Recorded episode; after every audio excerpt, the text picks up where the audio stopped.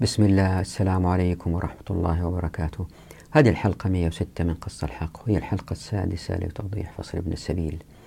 هذه الحلقة زي الماضية كلها حلقات مهمة هذه الحلقات التي تتحدث عن الندرة النسبية لأنه زي ما قلت في الماضي أنه مجرد قبول فكرة الندرة النسبية يعني وجود أنظمة وقوانين للسيطرة على هذه الموارد حتى لا تنضب وكيف نوجد طريقة لترشيد استهلاكها وبالتالي هذا يؤدي إلى استغلال هذه الأنظمة والقوانين لاستحداث الطبقية وبالتالي هذا يؤدي إلى الاستهلاكية.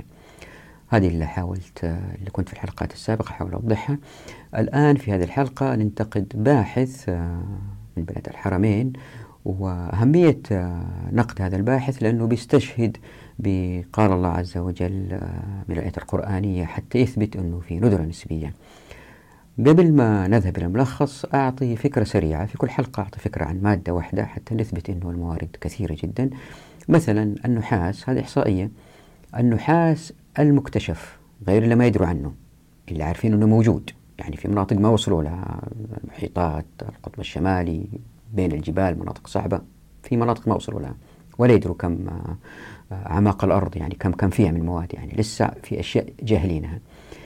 اللي يعرفوه الآن الموجود من نحاس في الكرة الأرضية من حيث كمية 8.1 رطل يعني باوند والرطل يساوي 0.454 كيلو جرام يعني الرطل نص كيلو. فالموجود تقريبا اللي هم عارفينه حوالي أربعة تريليون كيلو. من فاصلة واحد تريليون رطل البشرية استخدمت واحد فاصلة واحد في كل تاريخها من بدأت البشرية إلى الآن. ما استخدمت إلا واحد فاصلة واحد رطل من النحاس. ناهيكم عن أنه النحاس من المواد التي يمكن إعادة تدويرها وإعادة استخدامها. يعني البشرية كمان تقدر تستهلك سبع مرات قد إلا استهلكته. إذا كان ما أعادت آه آه تدوير هذه المواد ريسايكلينج فشوفوا كيف الله سبحانه وتعالى معطي واهب وهاب رازق رزاق كريم جواد غني مغني ولي متولي كفيل محسن. مع كل هذه الأسماء وكل هذه الأرقام وجوا ناس يقولوا عجبا إنه في ندرة نسبية. والآن إلى الملخص. تردد كثير في عمل هذا الملخص لأنه هذه الحلقة والحلقة القادمة تتعامل بكثرة مع الآيات القرآنية والتأويلات اللي يمكن واحد يستنبطها من هذه الآيات. لا تفهم في سياقها إذا كانت في تلخيص زي اللي بسويه الآن. لذلك فكل رجاء أنه هذا التلخيص هو ليس لتوضيح محتوى هذه الحلقة ولكن حتى كل مشاهد أو مشاهد اتخذوا قرارهم هل هم مهتمين بموضوع هذه الحلقة أو لا. فإذا مهتمين لابد من الاستمرار لمشاهدة الحلقة. رح نبدأ بعرض ما قاله الدكتور محمد علي القري وهو من بلد الحرمين ووضع في كتابه نص طويل بيستشهد بآيات قرآنية وببعض المنطق على أنه الندرة النسبية مسألة لابد أن نتقبلها. وضع استشهاداته أو الحجج اللي ذهب إليها في ست نقاط رح نرد إن شاء الله على هذه النقاط الستة. لكن بالكاد في هذه الحلقة نرد على النقطة الأولى. يعني ما رح ننتهي من النقطة الأولى. ففي النقطة الأولى أو النقطة ألف هو بيستشهد بقوله تعالى أعوذ بالله من الشيطان الرجيم. ولو بسط الله الرزق لعباده لبغوا في الأرض ولكن ينزل بقدر ما يشاء إنه بعباده خبير بصير. بعد كده أثير مسألة هي من أين ظهر هذا السؤال عن الندرة النسبية؟ هذه مسألة لم يثرها الرسول صلى الله عليه وسلم ولا الصحابة. فمثلا قشرة الكرة الأرضية تحوي 8.2% من اللي فيها ألمنيوم. فتخيلوا كمية الألمنيوم المهولة هذه فبدأ الغرب يتراجع عن فكرة الندرة النسبية. يعني إذا كان غير المسلمين يؤمنوا بتحييد النسل وإعادة تدوير المعادن وما إلى ذلك من وسائل كثيرة. يكون السؤال كم سيعيش من البشر إلى قيام الساعة؟ عندها يمكن أن نتحدث عن أهمية الندرة بمنظور غربي. ففي الحلقة هذه أنا أشرح المنظور الإسلامي لأنه الدكتور استشهد بآيات قرآنية فنخصص هذه الحلقة والقادمة عن الحديث عن الآيات اللي أرجع لها. وكبداية سريعة نعرض لآيات تؤكد كثرة الموارد في الكرة الأرضية مثل قوله تعالى أعوذ بالله من الشيطان الرجيم. وآتاكم من كل ما سألتموه وإن تعدوا نعمة الله لا تحصوها. إن الإنسان لظلوم كفار. وبعد هذه المقدمة السريعة أبين أنه التعامل مع الندرة النسبية قد يأخذ بين الباحثين أربع قناعات أو أربع احتمالات. الاحتمال الأول أن الله سبحانه وتعالى والعياذ بالله غير قادر على أن يضع في الكرة الأرضية ما يكفي البشر. طبعا هذا وضع مرفوض لنا كمسلمين. والاحتمال الثاني أن الله سبحانه وتعالى بخيل. هو يقدر لكنه بخيل سبحانه وتعالى. فنمر على آيات مثل قوله تعالى أعوذ بالله من الشيطان الرجيم وقالت اليهود يد الله مغلولة غلت أيديهم ولعنوا بما قالوا بل يداه مبسوطتان ينفق كيف يشاء فقلت في أربع قناعات القناعة الثالثة هي القبول بالندرة النسبية كمسألة مهمة للبشر عشان يعيشوا معها وهذه بعض الناس بيقولوا إنها مقبولة حتى لا يظهر البغي بين الناس ولا يظهر الإسراف ولا يظهر الخلاف بينهم.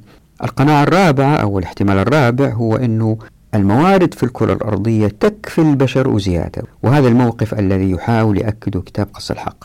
لكن هذا لا يعني عدم ظهور الفقراء لأن الفقر بين البشر هو بسبب الطغيان وليس بسبب قلة الموارد البشرية. زي ما شفنا في الحلقة الماضية عن المجاعة في مصر. لهذا من هذه الاحتمالات الأربعة الأول والثاني مرفوضين والرابع سيأتي إثباته. فما ذهب إليه الدكتور محمد علي القري ألا هو الاحتمال الثالث أو القناعة الثالثة بقبول النذر النسبية؟ هي التي سنركز عليها في هذه الحلقات. فننتقد هذه القناعة الثالثة من عدة زوايا. في الزاوية الأولى وضح أن الندرة النسبية فكرة لا تنفصل عن الزمن. يعني البشر في الكرة الأرضية بيزدادوا مع الزمن والموارد كما خلقها الله سبحانه وتعالى كما هي. يعني الاستهلاك بيزداد مع ثبات الموارد. هنا في هذه الزاوية الأولى في وجهين من حيث الشرع للرد على هذه المسألة. الأولى هو أن الله سبحانه وتعالى لا يعلم الغيب. وهذه فرضية مرفوضة. ليه؟ لأنه الله سبحانه وتعالى بالنسبة لنا كمسلمين يعلم الغيب فهو يعلم كم سيكون عدد سكان الكرة الأرضية حتى قيام الساعة وأعطاهم اللي يكفيهم. فنمر مثلا على حديث الرسول صلى الله عليه وسلم أنه الله سبحانه وتعالى قدر مقادير الخلائق قبل أن يخلق السماوات والأرض بخمسين ألف سنة. الوجه الثاني هو أنه سبحانه وتعالى يزيد الموارد في الكرة الأرضية بزيادة التعداد السكاني. وبالتالي منطقيا ولأننا الآن نعيش ندرة إذا سبحانه وتعالى غير قادر أو بخيل لأنه زي ما بيقولوا الآن في ندرة. فالله سبحانه وتعالى ما زاد الموارد في الكرة الأرضية بدليل الندرة. يعني سبحانه وتعالى غير قادر أو سبحانه وتعالى بخيل والعياذ بالله. طبعا كل هذا في إطار منظور عدم تطبيق الشريعة لأنه هذه الأفكار بالندرة النسبية ظهرت من العالم الغربي اللي ما يطبق الشريعة فظهر عندهم الاحتكار بسبب الأنظمة والقوانين اللي أدى إلى ظهور الطبقية ودت إلى زيادة الاستهلاكية في مواد تكميلية وبالتالي ظهر التلوث. فربطوا بين التلوث والندرة النسبية. قلت نرد على هذه المسألة من عدة زوايا. الزاوية الثانية هي البغي. فالقول أنه حتى لا يتنافس الناس ويظهر البغي لأن كثرة الموارد تؤدي للبغي باستهلاك الناس كالإسراف هذا منطق معكوس تماما. ليه؟ لأنه كل ما تقل الموارد كل ما يزداد الناس تنافس على الحصول عليها. فالبغي يزداد بقلة الموارد وليس بزيادة الموارد. بعد كده أشير أن الزاوية الثالثة هذه نؤجلها إلى بعد مناقشة قوله تعالى أعوذ بالله من الشيطان الرجيم. ولو بسط الله رزق لعباده لبغوا في الأرض. هذه الآية اللي استشهد فيها الدكتور لإثبات الندرة النسبية. ولأنها الآية الأولى في إثبات طرحه لابد أنها تأخذ حقها من النقاش. فنمر على نصين طويلين للقرطبي ثم الطبري. ما أقرأ النصين أضعهم في الشاشة وأعلق عليهم الاثنين. فنحاول نفهم العلاقة بين البغي والظلم. نلحظ من التأويلات المختلفة. أنها تجتمع عند أن البغي مرتبط بالظلم أو هو الظلم ذاته. وهذا استنتاج أول من تأويل الآية. ونستدل أيضا على الاستنتاج الأول بقوله تعالى أعوذ بالله من الشيطان الرجيم. ولمن انتصر بعد ظلمه فأولئك ما عليهم من سبيل. إنما السبيل على الذين يظلمون الناس ويبغون في الأرض بغير الحق. أولئك لهم عذاب أليم. الاستنتاج الثاني من قوله تعالى ولو بسط الله الرزق لعباده لبغوا في الأرض أن الآية معطلة. ليه؟ لأنه الآن هنالك بغي منتشر. فهم زي ما بيقولوا أنه الله سبحانه وتعالى إذا بسط الرزق فإن هذا البسط سيؤدي للبغي زي ما فهموا من ظاهر الآية. يعني حتى نفهم الآية خلينا ننظر لعكسها منطقيا. يعني أن قبض الرزق أي الندرة النسبية لن يؤدي للبغي. لكن البغي منتشر. إذن الآية معطلة والعياذ بالله. إذا ما ذهبوا إليه إلا ينادوا بالندرة النسبية من تأويل بربط الآية بالندرة النسبية غير صحيح. طبعا هذا الكلام اللي قاله الدكتور محمد علي هو ملخص لأقوال كثير من الباحثين في نفس التوجه أي القبول بالندرة النسبية. بعد ذلك أثير أن الآية اللي استشهد بها من قوله تعالى لعباده تتحدث عن كل الناس وليس المسلمين فقط. واستنتج من عدة توضيحات أن البسط والقبض لابد أن يكون في الآية شيء آخر غير الموارد المادية. فما هو هذا الشيء؟ حتى نصل لهذا الشيء نذهب للاستنتاج الثالث ألا وهو أن مفهوم الآية في البسط لا يعني أبدا تقليل الموارد في الكرة الأرضية ولكن يعني تقديره سبحانه وتعالى للأرزاق على الأفراد. مهم الأفراد وليس ما في الأرض أو في باطن الأرض. فنمر على الآيات التي تثبت هذا من قوله تعالى لمن؟ مثل قوله تعالى أعوذ بالله من الشيطان الرجيم. قل إن ربي يبسط الرزق لمن يشاء من عباده ويقدر له. وقوله تعالى أعوذ بالله من الشيطان الرجيم. إن ربك يبسط الرزق لمن يشاء ويقدر له. نذكر عدة آيات تبين أن القبض والبسط في الرزق هو على الناس وليس على الموارد الموجودة في الكرة الأرضية. فالآية تتحدث إلا استشهد فيها عن الناس ولا تتحدث عن الموارد. فالله سبحانه وتعالى يعطي هذا القوة والصحة ويعطي آخر همة ويعطي ثالث استراتيجية يعرف منها كيف يمكن يكون السوق في المستقبل وما إلى ذلك من هبات منه سبحانه وتعالى تؤدي إلى التفاوت بين الأفراد في الأرزاق لكن الموارد في نفس المنطقة متشابهة. هذه منطقة فيها نفط تلك منطقة فيها مزارع زيتون والإثبات أن المناطق مختلفة ومتفاوتة نذهب إلى الآيات التي تتحدث عن توزيع المياه في الكرة الأرضية بتفاوتات واضحة. بعد كده أبين فكرة مهمة أنه الحفرة التي وقع فيها هؤلاء الباحثين أنهم نظروا إلى الكرة الأرضية كأجزاء فنظروا إلى الأمة الإسلامية كأجزاء هذه دولة هذه قرية هذه مدينة. بهذا المنظور ستظهر الندرة النسبية. وأبين مثلا أنه إذا في منطقة مساحتها 10 كيلو في 10 كيلو 20 كيلو في 20 كيلو هذه المنطقة يمكن إذا كان فيها نفط ما راح يكون فيها زيتون. وإذا فيها زيتون يمكن ما يكون فيها نخيل. وإذا فيها نخيل يمكن ما يكون فيها بحار أو أنهار يوجد فيها سمك. لكن إن نظرنا إلى الأمة الإسلامية كأمة واحدة بمساحة كبيرة نجد أنه إذا كان فعلنا مخصوصة الحقوق وللناس الحركة من منطقة إلى أخرى أن المناطق هذه تكمل بعض لأن المواد موجودة بكميات كبيرة في المناطق المختلفة. عندها لن تظهر الندرة النسبية أبدا. عندها نفهم قوله تعالى أعوذ بالله من الشيطان الرجيم ولقد كرمنا بني آدم وحملناهم في البر والبحر ورزقناهم من الطيبات وفضلناهم على كثير مما خلقنا تفضيلا. وفي الحديث عن هذه الآية أوضح أن الآية فيها إعجاز تشريعي ليه؟ لأنه في ربط واضح بين التكريم والحمل في البر والبحر. الحمل في البر والبحر يعني الانتقال بين البر والبحر واللي يشمل الانتقال داخل البر وداخل البحر. فعملية الانتقال هذه هي التي تؤدي إلى نقل الموارد من خلال الناس من مكان إلى آخر. ففي ربط واضح في الآية بطريقة إعجازية تبين العلاقة بين التكريم والانتقال والرزق من الطيبات يعني المناطق المختلفة اللي فيها الخيرات المختلفة تكمل بعض بهذا الانتقال. فالآية إعجازية في هذا التبيان شوفوا الآية كيف. تكريم كرمنا وحمل حملناهم زي الأم اللي تحمل طفلها ورزقناهم وطيبات وفضلناهم. ونمر على آيات أخرى. أيضا بنفس المعنى التي تبين جود الله وكرمه أنه معطي واهب وهاب رازق رزاق كريم غني مغني محسن. بعد كذا نمر على آيتين إحداهما أعوذ بالله من الشيطان الرجيم. قل إن ربي يبسط الرزق لمن يشاء ويقدر ولكن أكثر الناس لا يعلمون.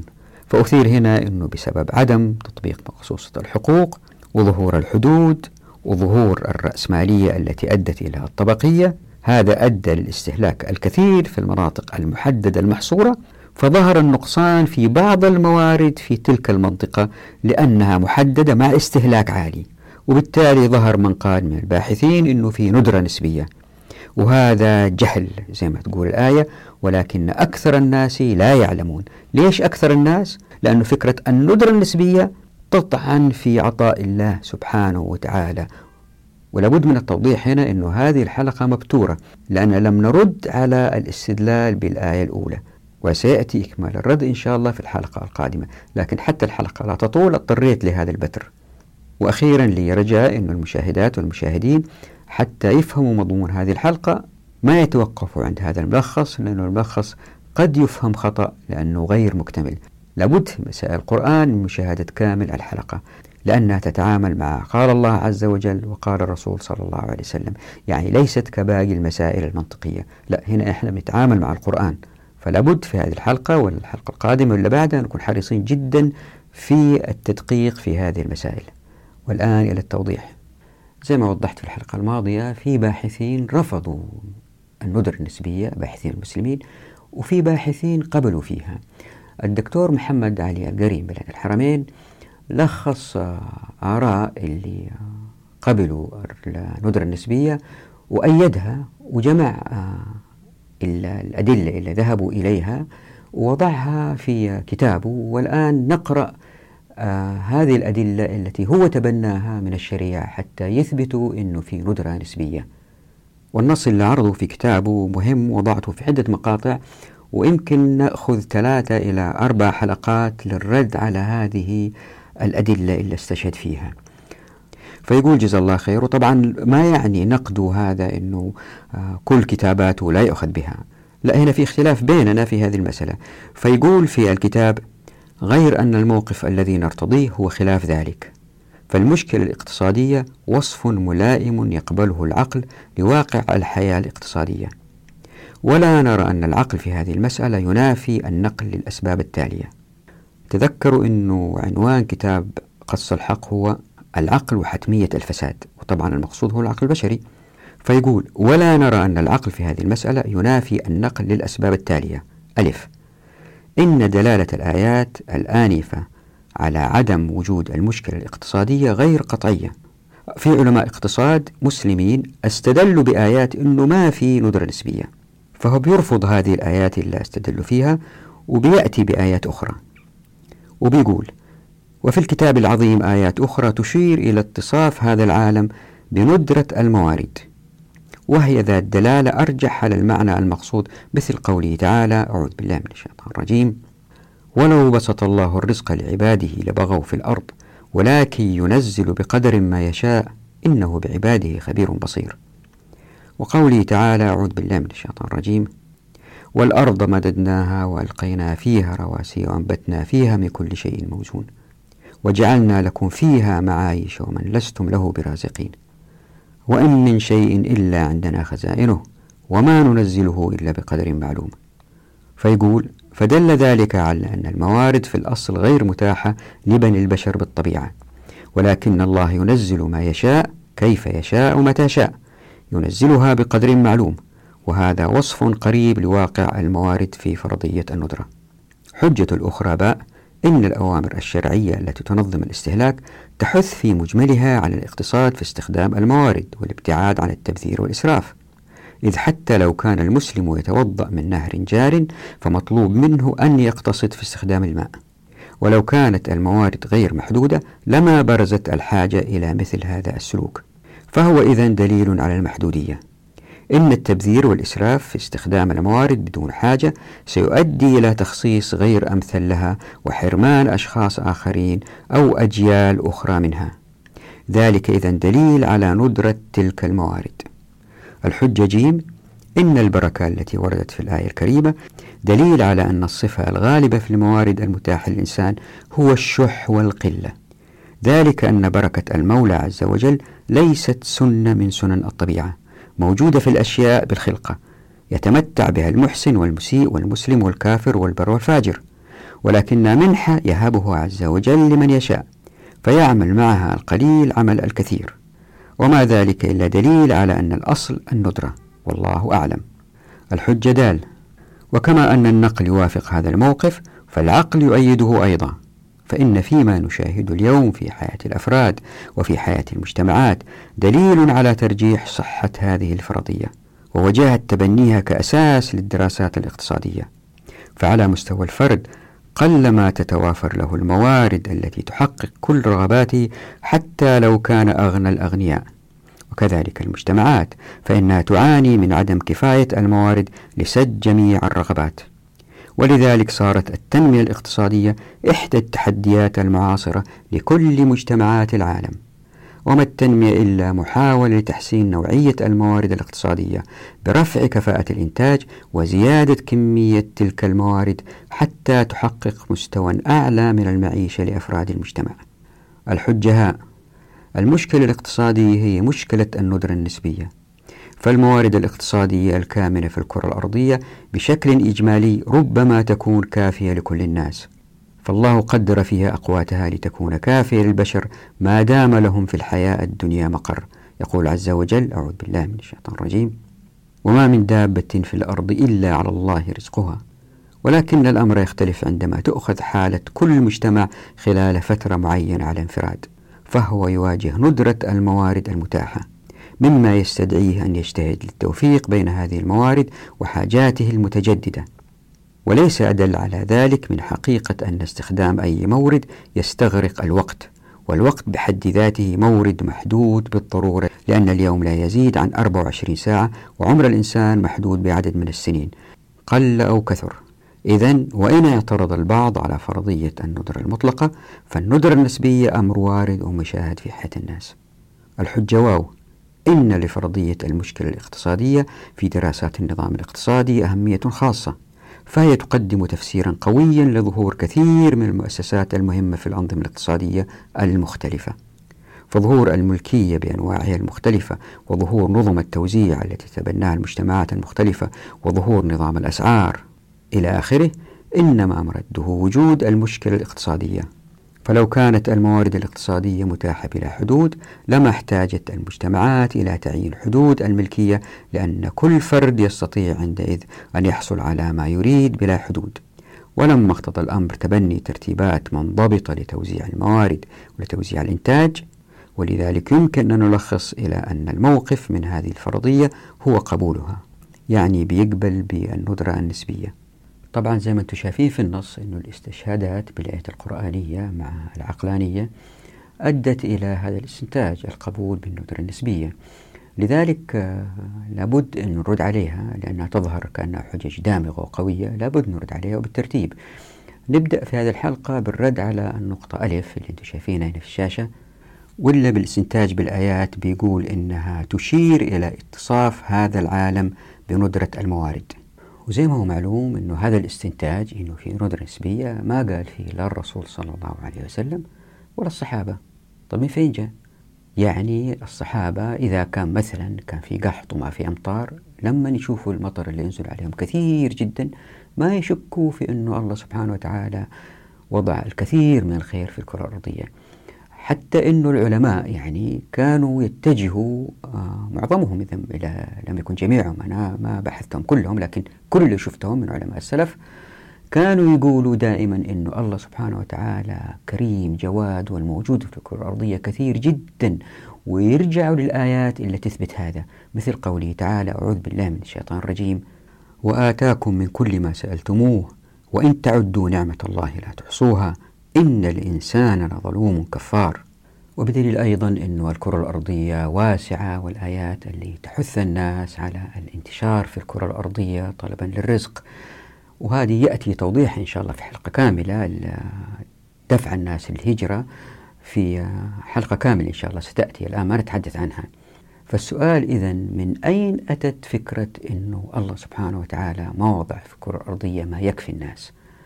هذا سؤال محير. لاحظوا شيء معين هنا أنه يمكن رياضيا ماثماتيكلي واحد يقول والله أنه لو السكان يزيدوا يزيدوا يزيدوا يجي يوم بعد أربعة خمسة آلاف مية ألف سنة ما ندري إلا يصير أنه تتعبر الكرة الأرضية بالناس ويطيحوا في البحر. وبالتأكيد الموارد آه، محددة وبالتأكيد ما تكفي. لكن الله سبحانه وتعالى ما ننسى يعلم الغيب ويعلم كم ستعيش البشرية ويعلم كم ستحتاج ووضع لها ما تحتاج أكثر. هذا بالنسبة لنا كمسلمين. بالنسبة لغير المسلمين نقول لهم الآتي إذا أنتم تؤمنوا بتحديد النسل وتؤمنوا أنه بعدد معين يكون في عدد معين من سكان الكرة الأرضية اللي يعيشوا عليها وحددتوا النسل الناس ما راح يطيحوا في البحر.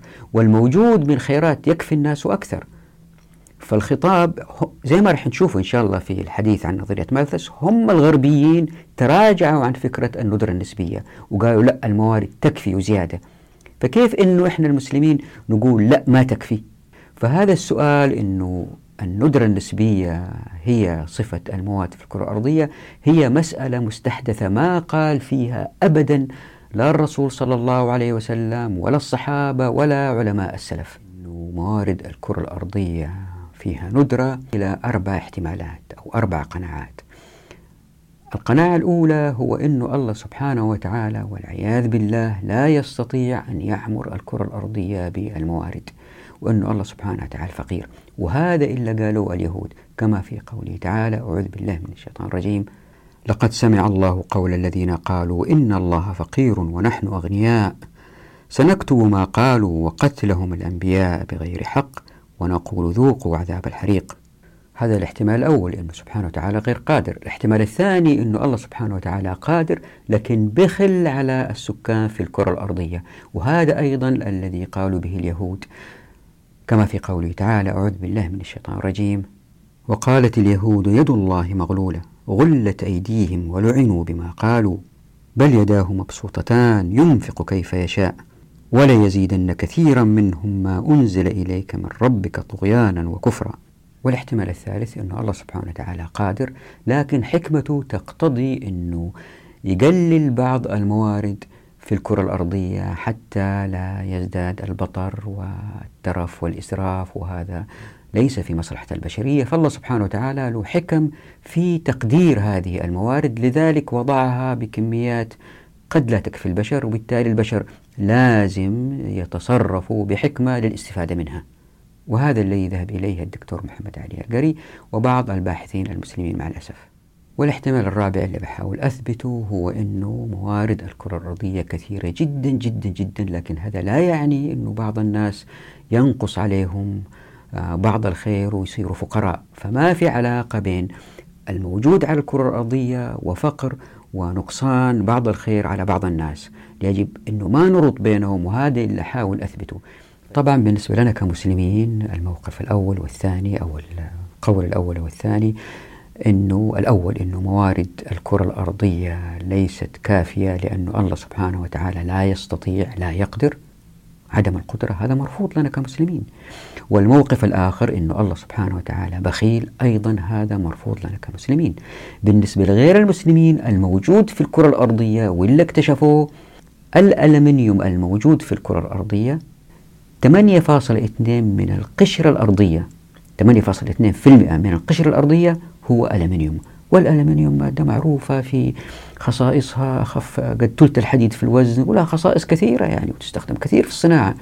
متى البشرية راح تقدر تخلص هذه الكمية إلى الكرة الأرضية؟ هذا إذا لم تعد تدوير أو إعادة استخدام ما استخدموه ورموه.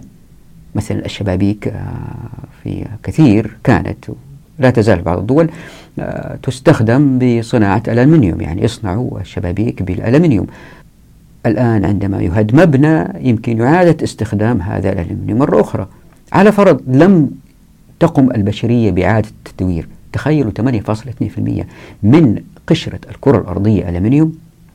وبالطبع يعني آه أنا أتبنى الموقف الرابع وكثير من الفقهاء المسلمين والعلماء المسلمين جزاهم الله خير ألا وهو أنه الموارد في الكرة الأرضية ما فيها ندرة نسبية. باقي الموقف الثالث اللي يقول أنه في ندرة نسبية في الموارد هذا الذي يجب أن ننتقده والانتقاد يأتي من عدة زوايا. الزاوية الأولى هي أن موارد الكرة الأرضية إذا كانت فيها ندرة نسبية هذه فكرة لا تنفصل عن الزمن. يعني إذا كانت موارد الكرة الأرضية في السابق آه، كانت كافية وكانت محدودة والسكان بيزيدوا وبالتالي جيل عن جيل تنقص عليهم. هنا الرد يأتي من وجهين. الوجه الأول أنه الله سبحانه وتعالى ما يعلم الغيب وهذه مسألة ضد العقيدة لأنه الله سبحانه وتعالى عندما خلق الكرة الأرضية ووضع فيها الموارد هو ما يعلم الغيب والناس ساعدوا ونقصت عليهم الموارد فهو ما عرف يسوي شيء استغفر الله. يعني ما عرف يسوي شغله استغفر الله. يعني شوفوا كيف إحنا بندخل في قضايا يعني صعبة جدا بس عشان نرد على هذه المسألة. أستغفر الله مما نقول. فالله سبحانه وتعالى لنا كمسلمين يعلم الغيب ووضع في الكرة الأرضية إلا يكفي السكان الذين يأتوا مستقبلا. وطبعا هنا ما ننسى الأحاديث الكثيرة في هذه المسألة أنه الله سبحانه وتعالى قدر الخلائق وقدر إلا يعطيهم من أرزاق مستقبلا أيضا. فمثلا لما جاء في فتح الباري مما رواه مسلم من حديث عبد الله بن عمرو مرفوعا أن الله قدر مقادير الخلائق قبل أن يخلق السماوات والأرض بخمسين ألف سنة وكان عرشه على الماء. والوجه الثاني أنه سبحانه وتعالى راح يزيد الموارد كل ما زاد التعداد السكاني. يعني إن ظهر نقص أي ندرة نسبية هذا يعني أنه سبحانه وتعالى والعياذ بالله غير قادر على زيادة الخيرات أو أنه بيبخل بذلك على البشر والعياذ بالله. وطبعا هذا أيضا احتمال مرفوض لأنه إحنا الآن بنعيش ندرة نسبية بحسب مفهوم من يزعمون الندرة النسبية. هنا فقط التذكير قلت إنه في أربع احتمالات لمناقشة الندره النسبية يعني وإنه الاحتمال الأول والثاني مرفوضين إلا قالوا عنه اليهود والاحتمال الثالث إنه القبول بالندره النسبية هو إلا نناقشه الآن ونرفضه والاحتمال الرابع اللي تبناه كتاب قص الحق. آه، وبعض الفقهاء المتأخرين ومعظم الفقهاء جميع الفقهاء الأوائل ما ما شفت واحد قال غير غير أنه الله سبحانه وتعالى كريم معطي واهب وهاب والموجود يكفي السكان وأكثر. الآن قلنا إحنا بنناقش الاحتمال الثالث وقلنا إنه في عدة زوايا وفي الزاوية الأولى قلنا وجهين. الزاوية الثانية هي البغي. يعني اللي بيقولوا إنه موارد الكرة الأرضية يجب أن تكون أقل حتى يكون ما يكون في نوع من الناس يأخذوا أكثر وبالتالي يبغوا على الآخرين المنطق هو العكس تماما. عندما تقل الموارد الناس يتنافسوا عليها ويتقاتلوا ويزداد البغي والظلم. من جانب آخر يعني الواحد لما يجي في الآخرة الله سبحانه وتعالى يحاسب ويقول له ليش ظلمت؟ يقول له والله الموارد قليلة واضطريت أحارب عشان أكل أولادي وعيالي يأتي يعني ويحاجج. فالمنطق أنه الموارد تكون كثيرة جدا وبالتالي الشخص عندما يبغي ما له عذر في البغي. ليه؟ لأنه بيظلم الآخرين يعني حتى يظهر البغي ما ينقص عليه شيء هو يوقف الآخرين من الأخذ حتى يظهروا فقراء. والزاوية الثالثة الاحتمال الثالث أنه الله سبحانه وتعالى ينزل بقدر ما يشاء متى شاء حتى تفي بحاجات الموارد تفي بحاجات البشر. هذه راح نناقشها إن شاء الله بس بعد ما نناقش أول الآية المهمة اللي أستدل بها الدكتور محمد علي القري. يعني قوله تعالى أعوذ بالله من الشيطان الرجيم. ولو بسط الله الرزق لعباده لبغوا في الأرض ولكن ينزل بقدر ما يشاء إنه بعباده خبير بصير. الدكتور القري أستنتج من هذه الآية وأدلة أخرى هذه من أهمها أنه فيها دلالة على أن الموارد في الأصل غير متاحة لبني البشر بالطبيعة ولكن الله ينزل ما يشاء كيف يشاء متى شاء ينزلها بقدر معلوم. وهذا وصف قريب لواقع الموارد في فرضية الندرة. هذا كلامه. وحتى ننقد هذا الاستنتاج لابد لنا من النظر في تأويل الآية اللي أستشهد فيها الدكتور. ووضعت هنا في الشاشة تأويل القرطبي وبعدين تأويل الطبري لهذه الآية. وما في داعي أقرأ التأويلين اللي يبغى يقدر يوقف الشاشة وينظر لها. يمكن أول حاجة يلاحظها الواحد عند تدبر الآية هو أن الآية تربط بين بسط الرزق وبين البغي.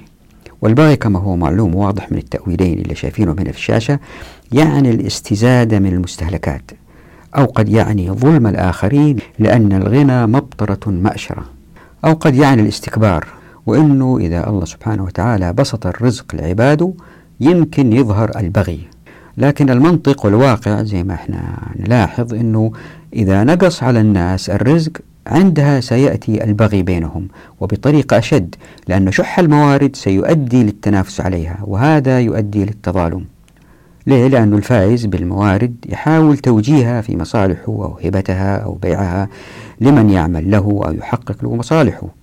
تذكر أن هذا الذي حدث في المجاعة في مصر زي ما بينا في الحلقة السابقة. هذا بالإضافة إذا أنه واحد نظر للتأويلين للقرطبي والطبري والتأويلات الأخرى أيضا للفقهاء الآخرين يعني بس ما حطيتها كلها فقط اخترت هذين الاثنين. أنه يمكن يقول والله ابن عباس بيقول أنه الاستزادة قد تؤدي إلى ضرر الإنسان بنفسه وليس بالضرورة أنه الواحد يظلم الآخرين.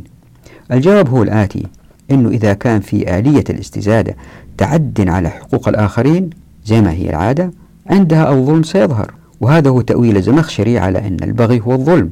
يعني تأويل ابن عباس والزمخشري الاثنين يلتقوا عند الظلم. والتأويل الثالث يعني عندنا تأويلين واحد لابن عباس وواحد للزمخشري أنه البسط سيؤدي للكبر كما فعل قارون. وهذا أيضا سيؤدي للظلم لأن الثري حتى يبقى ثريا لا بد له أن يستعمل الآخرين إلا يمكن يظلمهم وزي ما بحاول أثبت في هذا الكتاب أن الثراء عادة ما يكون بقفل أبواب التمكين على هؤلاء إلا يضطروا للعمل عند هؤلاء الأثرياء فيزداد الثري ثراء. يعني الظلم قد يقع على الفقراء وليس بطريقة مباشرة بطريقة غير مباشرة بقفل أبواب التمكين. مثال على ذلك مثلا يمكن إذا ما طبقنا مخصوص الحقوق يمكن يكون في تاجر وأمين وصدوق وهو في دولة غنية. هذا التاجر يأتوا الفقراء من الدول الأخرى الفقيرة ويحتاجوا من عنده بعض الأموال فهذا التاجر أمين لكن الإطار الذي يوضع فيه إلا ما طبق مخصوص الحقوق أدى لهذا البغي والظلم. فأمانة هذا التاجر لا تعني أبدا أن هذا المحتاج المسلم اللي يعمل تحته شخص غير مظلوم أو اللي يطلب منه صدقة شخص غير مظلوم في هذا المجتمع اللي ما عمل بمخصوص الحقوق. كما أن الظلم قد يعني أيضا ظلم الإنسان لنفسه فزيادة الخيرات قد تعني المزيد من الإسراف. يعني باختصار جميع هذه الأقوال تجتمع أنه البغي هو الظلم في الغالب. وهذا الاستنتاج الأول. وهذا الاستنتاج ما هو استنتاج؟ هذا الاستنتاج يوافق عليه معظم الفقهاء. وما في حاجة لإثبات ذلك. يكفي قوله تعالى أعوذ بالله من الشيطان الرجيم في سورة الشورى واللي تظهر بوضوح أن البغي هو الظلم. قال تعالى ولمن انتصر بعد ظلمه فأولئك ما عليهم من سبيل. إنما السبيل على الذين يظلمون الناس ويبغون في الأرض بغير الحق أولئك لهم عذاب أليم. لاحظوا حرف العطف الواو في الآية الثانية بين يظلمون الناس ويبغون في الأرض. وكأن الآية بتقول لنا أنه كل ظالم لابد أن يكون باغيا. فالبغي قرين الظلم. أما الاستنتاج الثاني فهو أنه إن كانت الموارد ذات ندرة نسبية زي ما يقول الدكتور القري وإن كان الظلم منتشر كما هو واقع الحال الآن بالتالي الآية معطلة. ليه؟ لأنه بسط الرزق سيؤدي للبغي كما هو مفهوم من ظاهر الآية. أي حتى نفهم الآية خلينا ننظر لعكس معناها ألا وهو أن قبض الرزق يعني الندرة لن يؤدي للبغي لكن البغي منتشر الآن. إذا الآية معطلة والعياذ بالله. يعني الموارد لابد أن تكون غير نادرة الآن بنص الآية لأن هناك بغية. وزي ما أنتم عارفين أنه هذا ليس هو الحال في معظم الأزمان. وسبب هذا الاستنتاج هو أن الآية لا تتحدث عن المسلمين فقط لكن عن جميع الخلق بدليل قوله تعالى لعباده. فهذه الآية إخبارية لكل الأزمان. يعني الآية تضع مبدأ من عند الله عالم الغيب والشهادة. فإذا كان هذا اللي قلته صحيح لابد وأن يكون المقصود بالبسط في الرزق في الآية لشيء آخر غير الموارد المادية من خيرات في الأرض. إيش هو المقصود إذن؟ الاستنتاج الثالث أنه الله الحق سبحانه وتعالى له حكمة في إنقاص بعض الخيرات على الأفراد. لاحظوا أني قلت أفراد وما قلت خيرات وموارد مادية على الكرة الأرضية. قال تعالى في سورة الشورى أعوذ بالله من الشيطان الرجيم. الله لطيف بعباده يرزق من يشاء وهو القوي العزيز. إذا تلاحظوا أنه في النصين اللي وضحناهم للقرطبي والطبري في توضيح لهذه الفكرة وهي أنه سبحانه وتعالى يبسط الرزق على فرد ويقدره على آخر لحكم وضحوها الفقهاء زي ما شفنا في النصين من القرطبي والطبري. يعني يمكن يكون في جارين أو اثنين أخوان واحد غني والآخر فقير بينما موارد المجتمع المحيطة بهم هي نفسها. لذلك يمكن القول بأن المقصود بالبسط والقدر في الأرزاق ليس وفرة ما هو موجود في الطبيعة بقدر ما هو التوزيع للخير بين الأفراد. فالمهارات اللي يتمتع بها الأفراد أو الفرص التي تفتح لهم تختلف من فرد لآخر. يمكن هذا يرث من زوجته الملايين وذاك يحترق متجره وهذا كثير الحركة في طلب الرزق وذلك كثير النوم.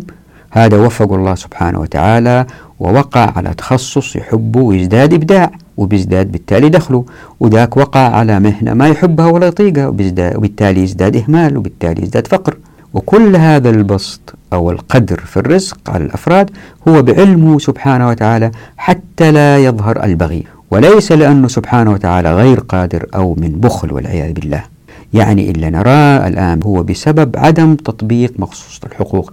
برغم عدم الندرة النسبية للموارد. يعني الآية بتقول لنا أنه في تفاوت في تقدير الأرزاق على مستوى الأفراد. هذا يمكن يكون عنده أكثر من هذا. لكن المنطقة كلها كجماعة الناس اللي ساكنين فيها كجماعة تتمتع بنوع من التساوي في الموارد إلا في الكرة الأرضية لنفس هذه الجماعة. يعني الجماعة دي كلها تستمتع بنفس الموارد. لكن هذا أيضا يعني أنه الجماعات المختلفة في الأقاليم المختلفة يتمتعوا بموارد أيضا مختلفة. وهذا واضح في قوله تعالى أعوذ بالله من الشيطان الرجيم في الحديث عن توزيع المياه في الكرة الأرضية أعوذ بالله من الشيطان الرجيم وينزل من السماء من جبال فيها من برد فيصيب به من يشاء ويصرفه عن من يشاء هذه الآية في سورة النور. وفي آية ثانية في سورة المؤمنون أعوذ بالله من الشيطان الرجيم وأنزلنا من السماء ماء بقدر فأسكناه في الأرض وإنا على ذهاب به لقادرون. وقوله تعالى في سورة الزخرف والذي نزل من السماء ماء بقدر فأنشرنا به بلدة ميتة كذلك تخرجون. وقوله تعالى في سورة الجن أعوذ بالله من الشيطان الرجيم ولو استقاموا على الطريقة لأسقيناهم ماء غدقا. نلاحظ في هذه الآيات أنه في كل آية في إشارة إلى أن الماء من عند الله وبأمره يصيب به من يشاء كما في سورة النور أو يذهبه عن من يشاء كما في سورة المؤمنون. وأنه سبحانه وتعالى يحيي به بلدة ميتة كما في سورة الزخرف. أو لأن السكان استقاموا على الطريق المستقيم فقد سقوا ماء غدق آية سورة الجن. يعني في مناطق يأتيها خير غيث أكثر مناطق أخرى. وهذه مربوطة بقربا بالله سبحانه وتعالى. هذا بالنسبة لنا كمسلمين لكن هي المسألة نسبية. يعني يمكن واحد يقول لي شوف أهو مناطق استوائية وغير مسلمين وعلى طول بتمطر نعم هي المسألة نسبية لكن خلينا نقول أنك أنت ما أنت مسلم وما تؤمن بهذا الشيء. انظر إلى الكرة الأرضية.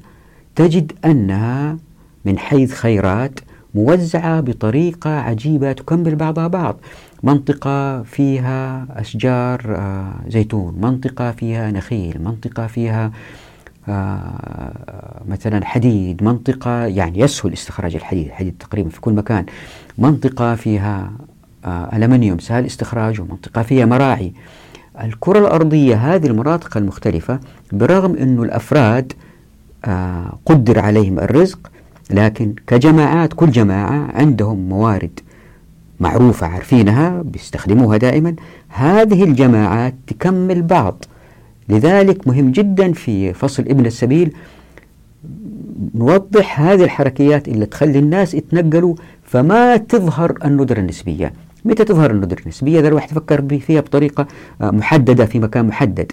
لكن مثلا خذ مثلا 10 كيلو في 10 كيلو. هؤلاء الناس اللي في العشرة كيلو في 10 كيلو يمكن يكون عندهم بئر ماء لكن ما عندهم سمك عندهم أبار مياه لكن ما عندهم سمك. يمكن جماعة أخرى عندهم نهر وعندهم سمك لكن ما عندهم مثلا نحاس. آه ويمكن ما عندهم زيتون منطقة ثانية عندهم زيتون عندهم أمطار وما عندهم نهر ما عندهم مثلا آه يورانيوم. فالمناطق تكمل بعض لذلك مهم جدا أنه في ابن السبيل زي ما راح نبين الشريعة وضعت حركيات تخلي الناس ينتقلوا حتى يستفيدوا من هذه الموارد. يعني الموارد تكمل بعض.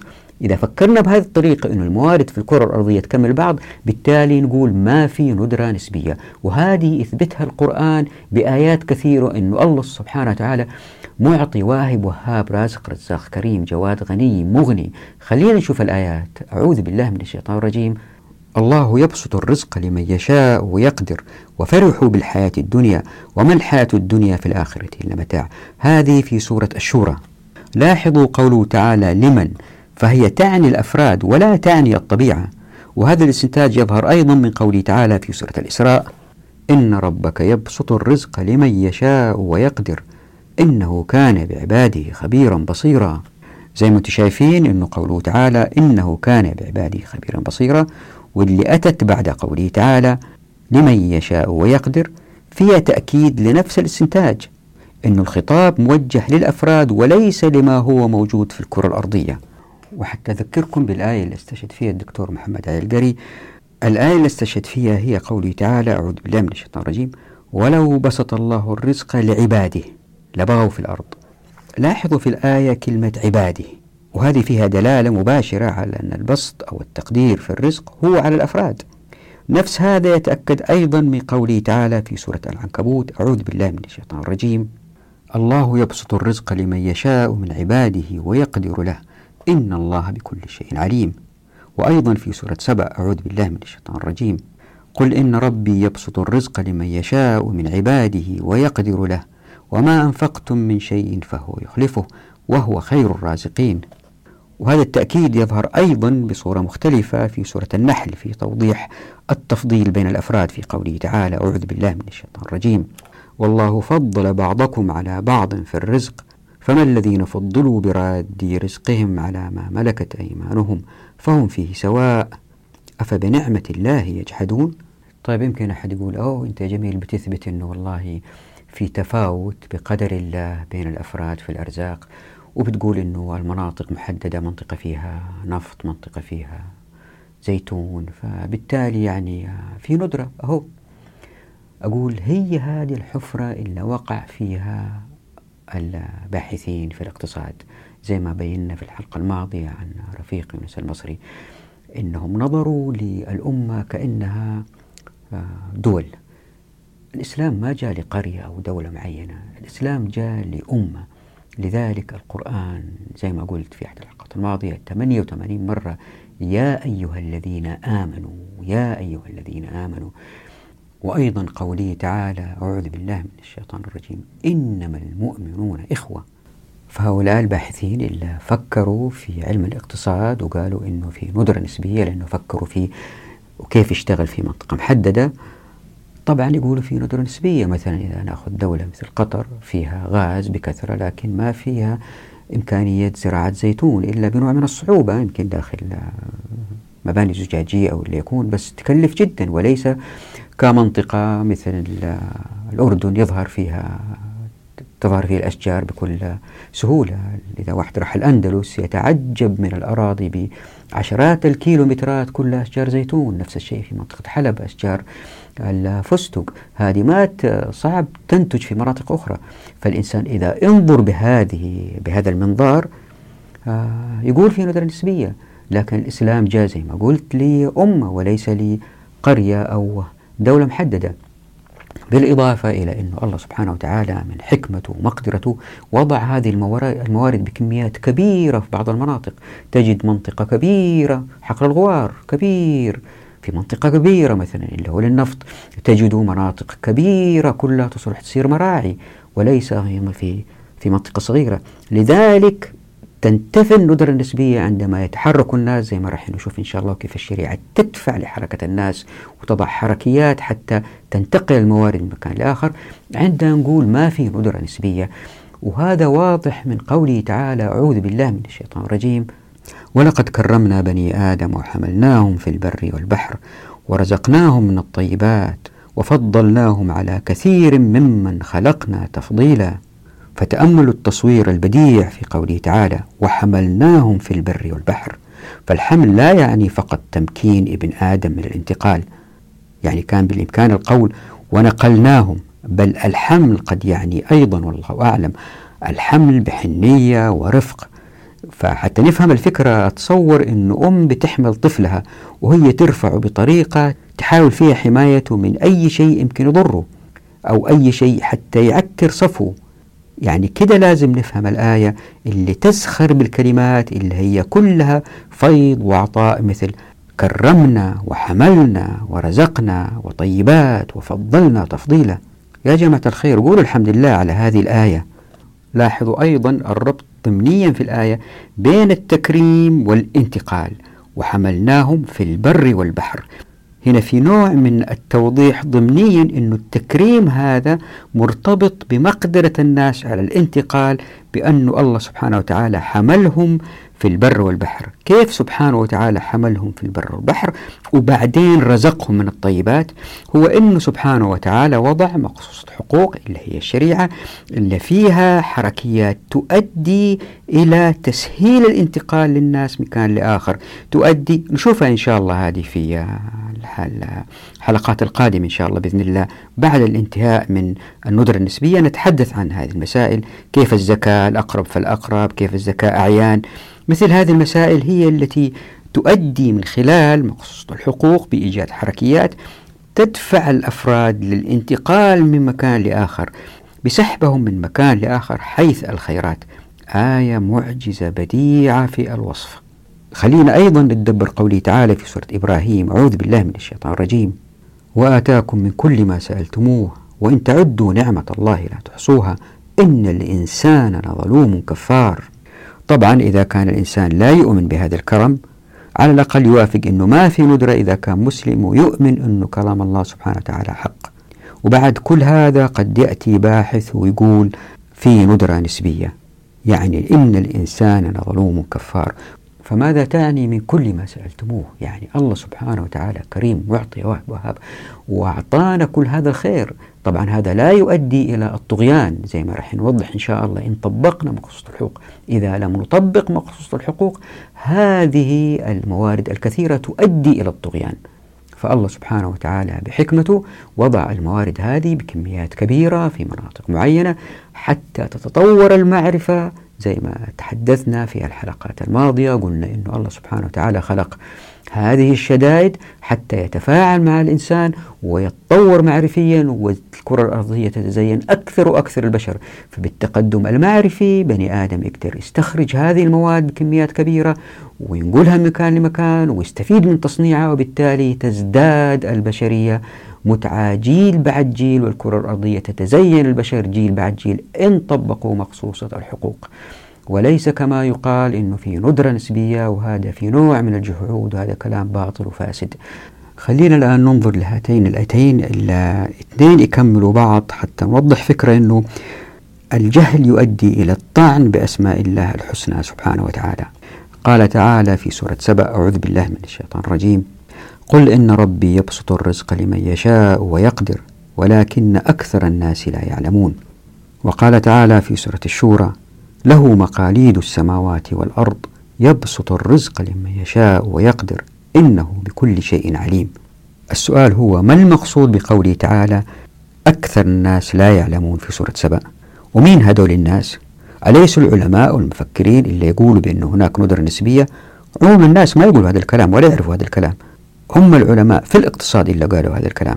لاحظ أنه مثل الآيات السابقة هذه الآية تقول بأنه إذا كان هناك بسط وتقدير في الرزق فهو على الأفراد بدليل قوله تعالى لمن؟ في قوله تعالى إن ربي يبسط الرزق لمن يشاء. طيب لماذا التركيز في هذه الآية على أن أكثر الناس لا يعلمون؟ الجواب هو أنه والله أعلم أنه سبحانه وتعالى عالم الغيب والشهادة وصف حالنا اليوم بالجهل لأنه انتشرت فكرة الندرة النسبية بين معظم الناس بسبب هؤلاء العلماء. وهذا ما حدث إلا لأن الحكم بغير ما أنزل الله هو المنتشر. فظهرت الحدود بين الدول فحبست المنتجات والمعرفة وظهر الترف والإسراف بسبب تراكم الثراء عند البعض على حساب البعض الآخر. فنسبت الندرة النسبية بسبب الخروج عن شرع الله إلى ما خلق الله تعالى المعطي الواهب الوهاب.